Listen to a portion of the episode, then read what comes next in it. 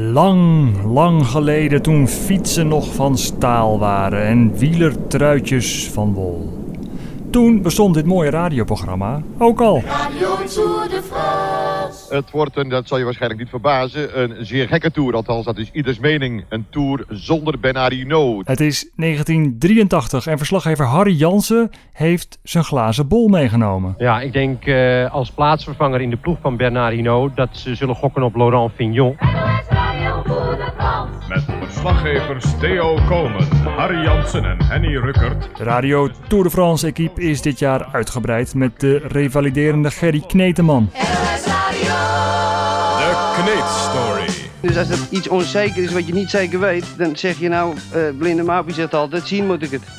Dus dat is een, eh, een oude eh, Amsterdamse uitdrukking hoor. In Frankrijk verbaast de NOS zich in eerste instantie vooral over de vele Colombianen in de Tour. Met verbijstering hebben we er kennis van genomen dat de Colombianen in de Tour zijn, de eerste amateurs. Colombianen die toen nog Colombianen heten. En ik heb me laten vertellen dat er eh, drie auto's gekocht zijn door die Colombianen. 1983 is me het jaar wel.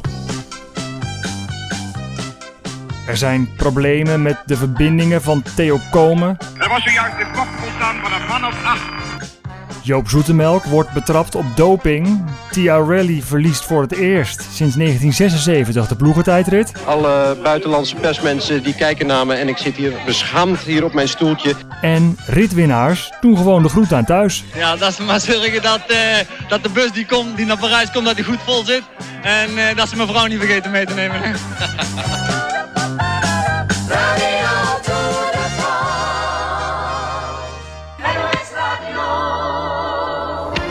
Op de klanken van de oude finish tune zijn er maar liefst vijf Nederlandse etappenzegers. Frits Piraar hoorde u al, u weet wel, die man van de groet aan thuis. Hij won de eerste etappe en Bert Oosterbos wint zelfs twee keer.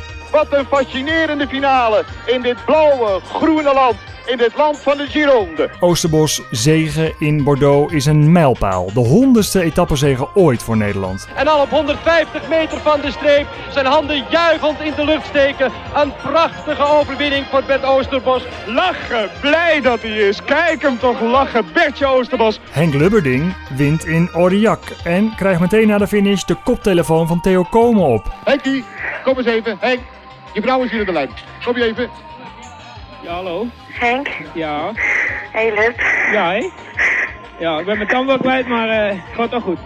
Heel fijn, hè? ja, prima. Bel straks weer terug. Ja. Houdoe. Proficiat, Henk. You. You.